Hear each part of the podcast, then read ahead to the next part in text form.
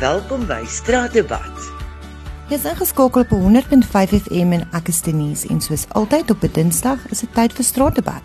Die week wil ek gaan uitvind wat vat jy nie saam nie. Ilse, wat vat jy nie saam na jou skoonma toe nie? Hoi Denise, jou geheime. Johan, wat vat jy nie saam met jou na 'n werksfunksie toe nie?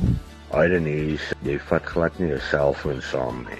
Wat vat jy nie saam met jou na 'n restaurant toe nie, Antoinette? Ek het actually nou die dag 'n debat gehad met iemand oor hierdie antwoord wat ek nou gaan gee.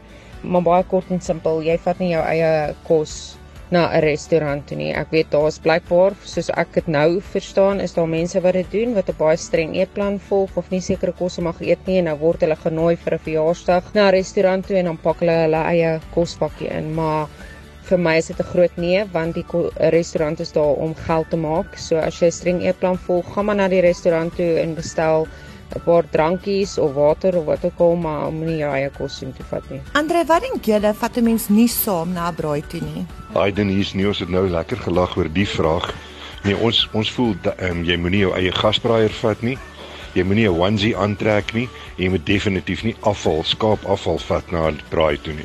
Maar ja, dis min of meer waarna ons gedink het. Lekker dag. En dit is dit vir hierdie week se straatdebat. Maak seker jy luister volgende week weer saam en onthou altyd ingeskakel te bly op 100.5 FM. Tot volgende keer.